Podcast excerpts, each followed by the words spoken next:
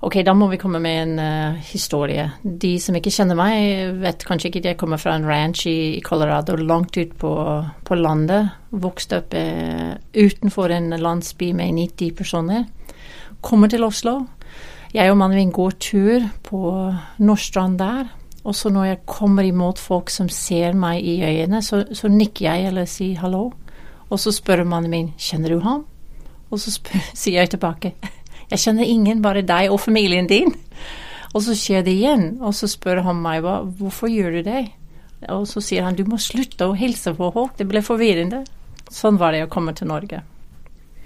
Janet Seistad, du jobber nå som flerkulturell konsulent i Misjonssambandet i NLM Norge. Du er amerikaner, og da har du jo kjent dette her på kroppen, hvordan det er å komme til et annet land, å komme til et annet land og være utlending.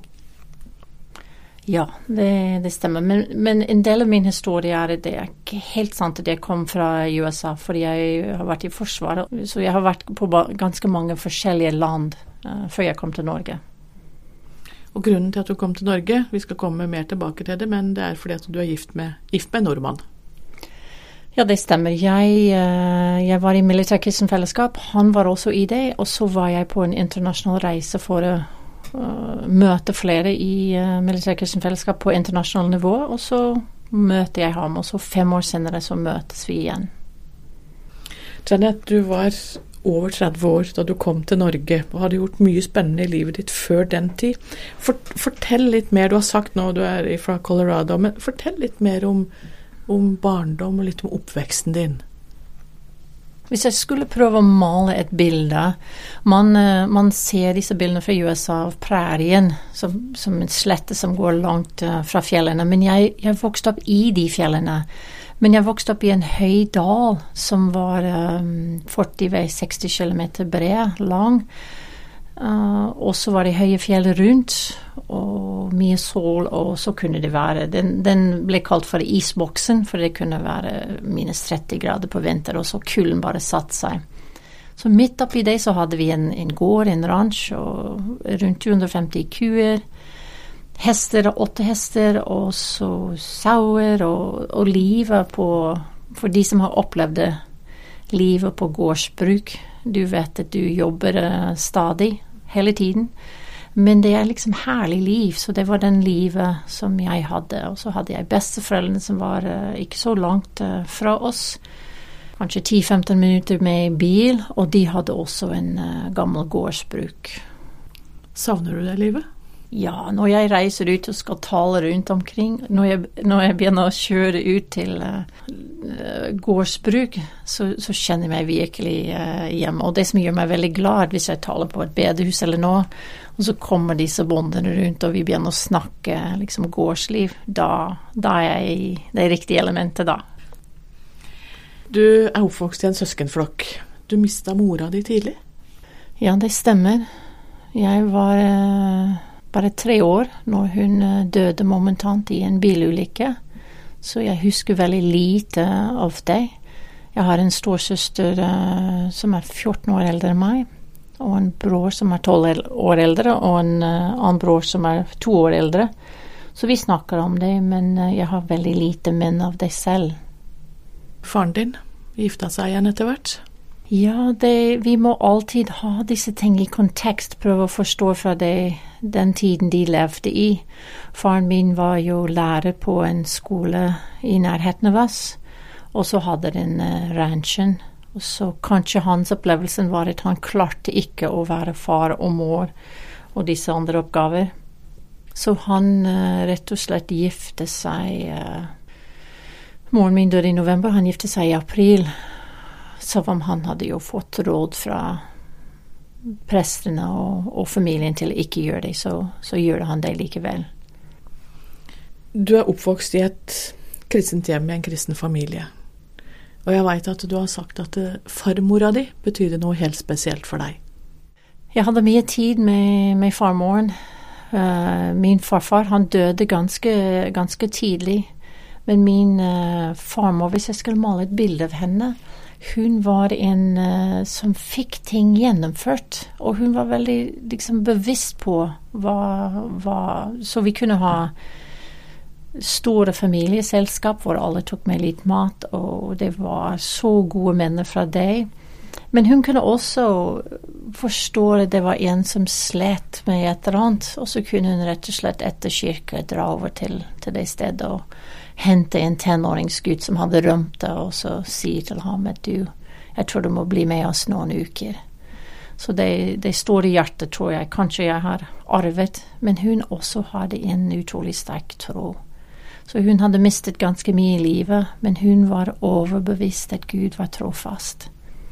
Hadde du en god oppvekst? Jeg kan ikke si at det var en god oppvekst. Det, med stesøsken og stemor det utviklet seg dessverre til, eh, til vold og og psykiske krenkelser. Men jeg tror vi må forstå situasjonen som den var, også i Forsvaret og i det arbeidet jeg gjør nå med mange migranter, også særlig blant migrantgrupper som er fra en minst nådde område i Øst-Afrika, så føler jeg som jeg er utrolig utrustet til å forstå dem, forstå traume uh, og diverse ting. Så jeg, jeg faktisk føler at uh, det har vært en stor velsignelse, det jeg har eh, opplevd det selv. Etter hvert som åra gikk, hvordan var hverdagen for unge Janet i USA? Oh, vi må ta dette med at den dalen jeg kommer fra, det var idrett som var den store greia. Og akademia, det var, det var ikke mye verdt, da. Og, og jeg slukket dette opp. Jeg hadde fire brødre. Eh, som var eldre enn meg, to søstre. Alle var eh, fokusert på idrett. Og jeg kunne øve meg basket eller løpe fire, fem, seks timer daglig. Og så faren min, da han støpte en sånn basketball, uh, liten basketballbane utenfor huset der, og der brukte jeg massevis av tid. Og jeg tror han tenkte dette er bra hvis du er her og ikke et annet sted. Han var veldig klok sånn. Men det var idrett som var en, uh, en stor ting. Og så må jeg innrømme at um, dyrene på gården de var en stor trøst for meg. Å komme ut av huset og sitte på trappa når du har opplevd noe forferdelig, og så kommer en hund og slikker deg på ansiktet. Eller uh, kattunger som uh, krabber over deg. Den der er en utrolig trøst. Så det var litt av uh, hverdagen da. Besto ungdomstida òg av kristne aktiviteter? Ja da. Søndag klokken 11, søndag kveld til bibelundervisning, og onsdag til, til bønnetid. Det var en faste poster i familiens liv. Og vi kom fra en liten, uh, liten menighet. Det var den eneste menighet i den lille landsbyen, men vi kanskje var fem-seks familier som holdt den gående. Så jeg har litt erfaring med med bedehusliv her. Føler meg veldig hjemme når jeg kommer inn. og så var det tid for videre utdannelse, og det er vel rett å si at valget du tok, det var kanskje ikke helt tradisjonelt? Denne, eh, denne delen av historien er litt morsomt. Fordi uh, i USA så er ikke utdanningen betalt for, du må betale selv. Og så vi hadde jo ikke penger. Og så er jeg jo nummer syv, så jeg hadde opplevd hva de andre uh, egentlig ikke fikk til. Og så da drømte jeg om å være kirurg. Og det begynte å gå for meg når jeg søkte utdanning, etter dette her går ikke. Så jeg hadde fått noen uh, idrettsmuligheter. Men det var lett å se. Det var langt fra nok penger, og hvis du ble skadet, that's it. Men så en gang så var jeg skadet mens jeg spilte, og var jeg hos en kiropraktor, og han sa til meg du burde tenke på krigsskolene. Så jeg var ikke så interessert, men jeg tror det var han som sendte informasjon. Og så når faren min fikk se det, han hadde jo vært vervet eller måtte delta i andre verdenskrig, uh, og han hadde faktisk sagt til storesøsteren min nei, det er ikke en mulighet for deg. Men når det gjaldt krigsskolen, og ikke bare være i Forsvaret, mente han det var noe annet. Så det ble sånn at jeg uh, faktisk takket ja til uh, krigsskolen på West Point i New York. Så jeg reiste fra 90 folk i hjembyen i Hooper, Colorado, rett til eh, New York, og, som er utenfor New York City da. Så det var en ganske stor. 4000 kadetter. Eh, er dette en attraktiv utdannelse? Ja, veldig, fordi du konkurrerer så mye til å komme inn, og den er så høyt når det gjelder ingeniørutdanning. Så når du kommer fra krigsskolen med en utdanning derfra, så har de stor vekt, og særlig på ledelse. Så, så det er veldig ettertraktet da. Og så, så kan man huske det er jo gratis måtte du betale fem år aktiv og tre år reserve, eller totalt åtte år av livet ditt, da. Så det er ikke gratis, vel. Da er det ikke gratis, for da er det altså åtte år plikttjeneste. Nettopp. Men du var, eh, du var gira på at dette, dette ville du? Jeg fikk reise og besøke, uh, og så skjønte jeg dette med ledelsestrening. Dette vil jeg.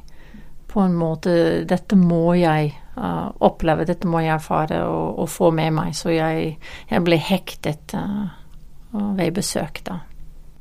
Men hvorfor blei akkurat dette med ledelse, hvorfor, hvorfor, var det så viktig for deg å, få, å ta fag som ledelse? Det er ikke så lett å si, men jeg var så aktiv i idrett, lagidrett. Og jeg hadde en veldig god trener, men dette med å lede og, og få til noe samlet, det, det, var noe som var utrolig eh, det, det passet meg så bra, da. Men jeg kan, jeg kan si at eh, jeg passet ikke så bra inn på krigsskolen. Fordi det som jeg hadde ikke fått med meg, var at uh, vi var, jeg var enten den niende eller tiende klasse som begynte med kvinner, og vi var ikke ønsket. Og det hadde jeg ikke fått med meg. Så det var en stor overraskelse når, når dette gikk opp for meg. Ja, for det hadde jeg tenkt å spørre deg om, hvordan det var å være kvinne eh, på krigsskolen i US Army det var, eh, det var, nettopp veldig krevende, men det kunne være veldig morsomme òg.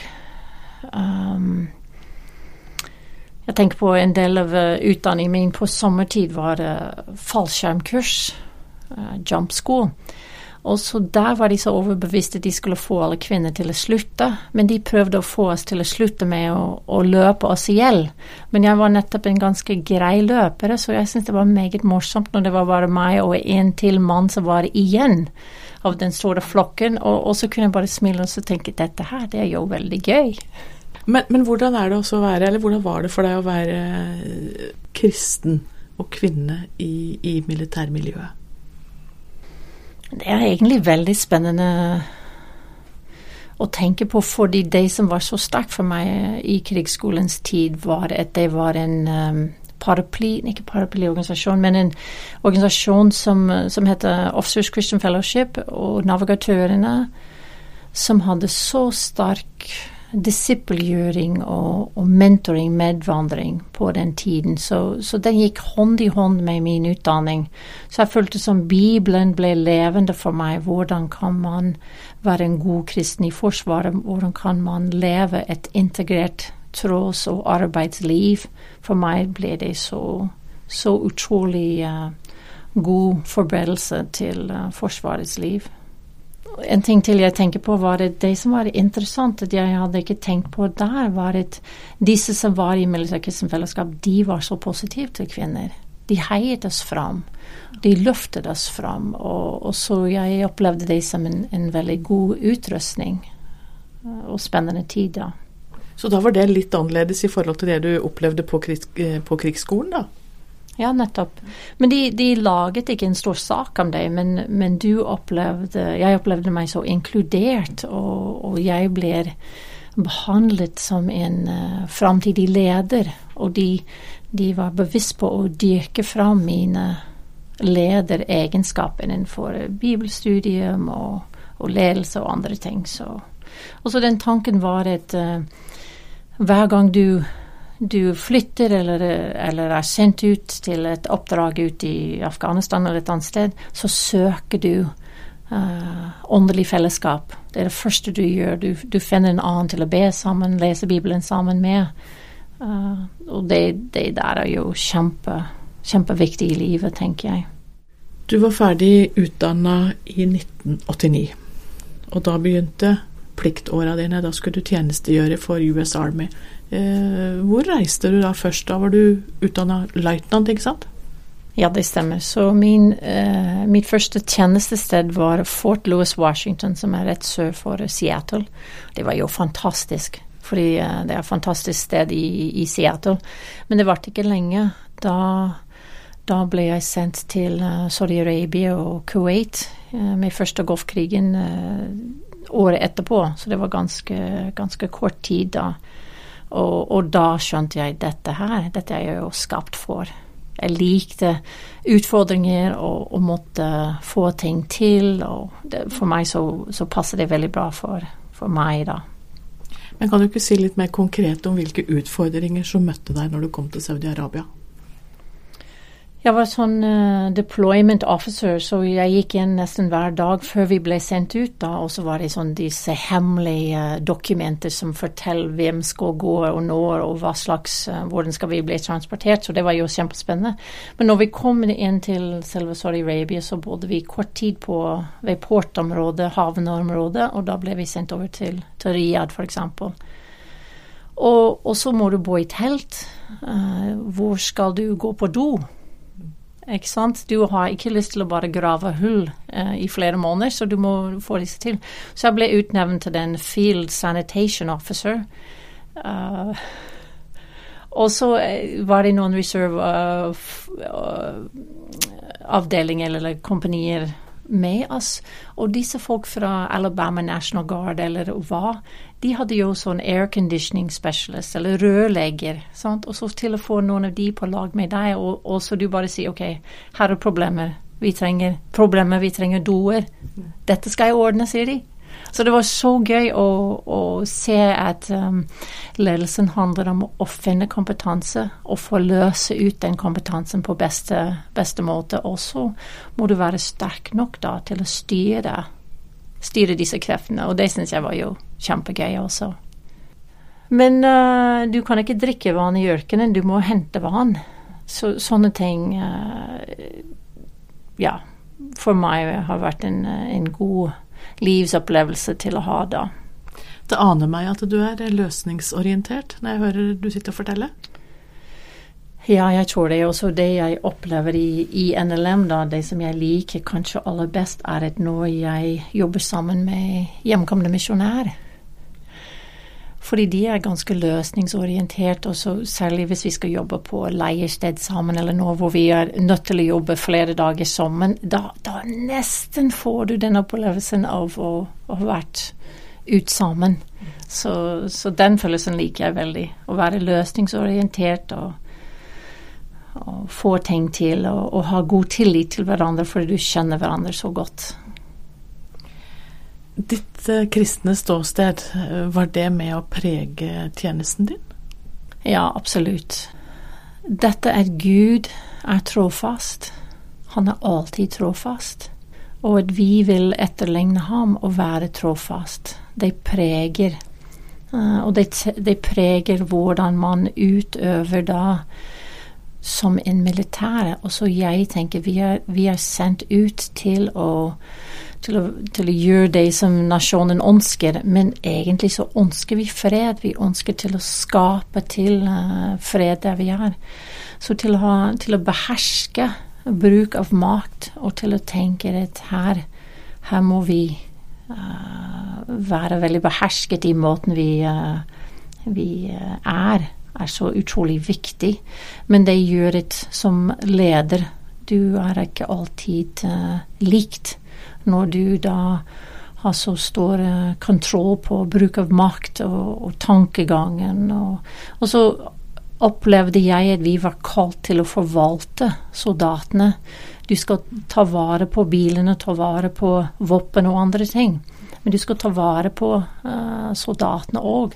Og det vil si mentalt, psykisk vil du levere de tilbake til, til staten, til familiene, til barnet så hel som mulig. Så for meg, for oss som leder, var det, var det ikke noe mulighet med pornografi eller prostitusjon, og fordi disse ting er jo spredt utover, uh, og muligheten kommer veldig fort. Men, men den tankegangen ved hver menneske har verdi, og lik verdi, også selv om de er fattige, har ikke så skal du forvalte dem og å ta vare på de svake. Så det preget meg veldig. Dagens Petro-gjest, Janet Seierstad, er utdannet offiser fra US Army. Hun var ferdig med utdannelsen i 1989 og har tjenestegjort i en rekke land. Samme år, i 1989 altså, deltar Janet på en konferanse i Finland for kristne yrkesoffiserer. Og der møter hun nordmannen som etter hvert skulle bli hennes ektemann. I 1995 gifter hun seg med Knut Are. Høsten 1997 er Janet blitt kaptein i US Army, og hun blir innvilget avskjed, og senere den høsten flytter de til Norge og til Oslo. Det er ikke mulig å beskrive hvor stor overgang det var. Slutte med karrieren, flytte til et fremmed land. Der du jeg, jeg kunne ikke språket, og jeg kunne ikke kulturen heller. Det er en stor overgang. Og forholdsvis nygift. Familien vokste. Ja, rett når vi fant ut at jeg kunne slutte i Forsvaret, så, så ble jeg gravid. Uh, og så barnet, hun eldste, da var født i april. Jeg kom i september 97. 1. september 1997, og så ble hun da født i april. Så det var en, også en overgang det til å bli mor.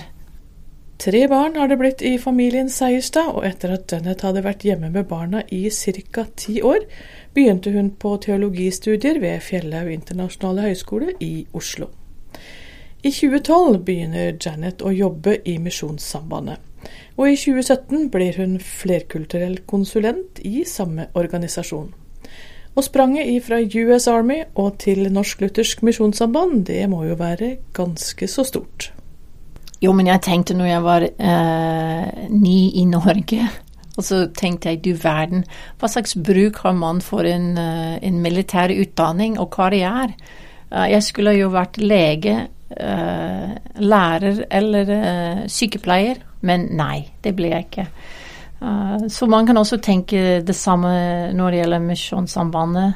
Men på en måte så er det en sånn veldig god forhold mellom Forsvaret og Misjonssambandet som traff veldig. Uh, også når det gjelder um, å kjenne de som er uh, Misjonssambandet er sambandet, også til å alltid tenke på de som er lengst, lengst ute, opp mot grensen til Sør-Korea. Hvordan skal du faktisk møte de behovene de har, for de vet at de har det? Da er du veldig god på logistikk, og det er det samme i, uh, i misjonsarbeid. Du må være flink nok til at du kan forutse utfordringer og komme i møte med deg de behovene som folk har langt ut på landet. Så dermed så kan du bruke litt av din militære utdannelse også i det arbeidet du har i dag i Misjonssambandet? Ja, hver dag. Men av og til så kan du føle som du er eh, du har en annen kultur enn eh, en andre rundt deg. Men jeg tror det kan, eh, det kan være en veldig positiv ting òg. Hva er det viktigste for deg i jobben du har nå som flerkulturell konsulent? Det aller viktigste er å holde meg nær uh, Gud og ha den dialogen uh, åpen. Hvis jeg tenker på en mann fra Forsvaret som var, uh, var fra Vietnamkrigstiden i sambandet, så sa han du må huske når du bruker radioen, hvis du har fingeren på knappen, så kan du bare snakke, men du kan ikke høre. Så det er veldig viktig at radioen, kanalen med Gud, er åpen hele tiden, og du er på den lytting.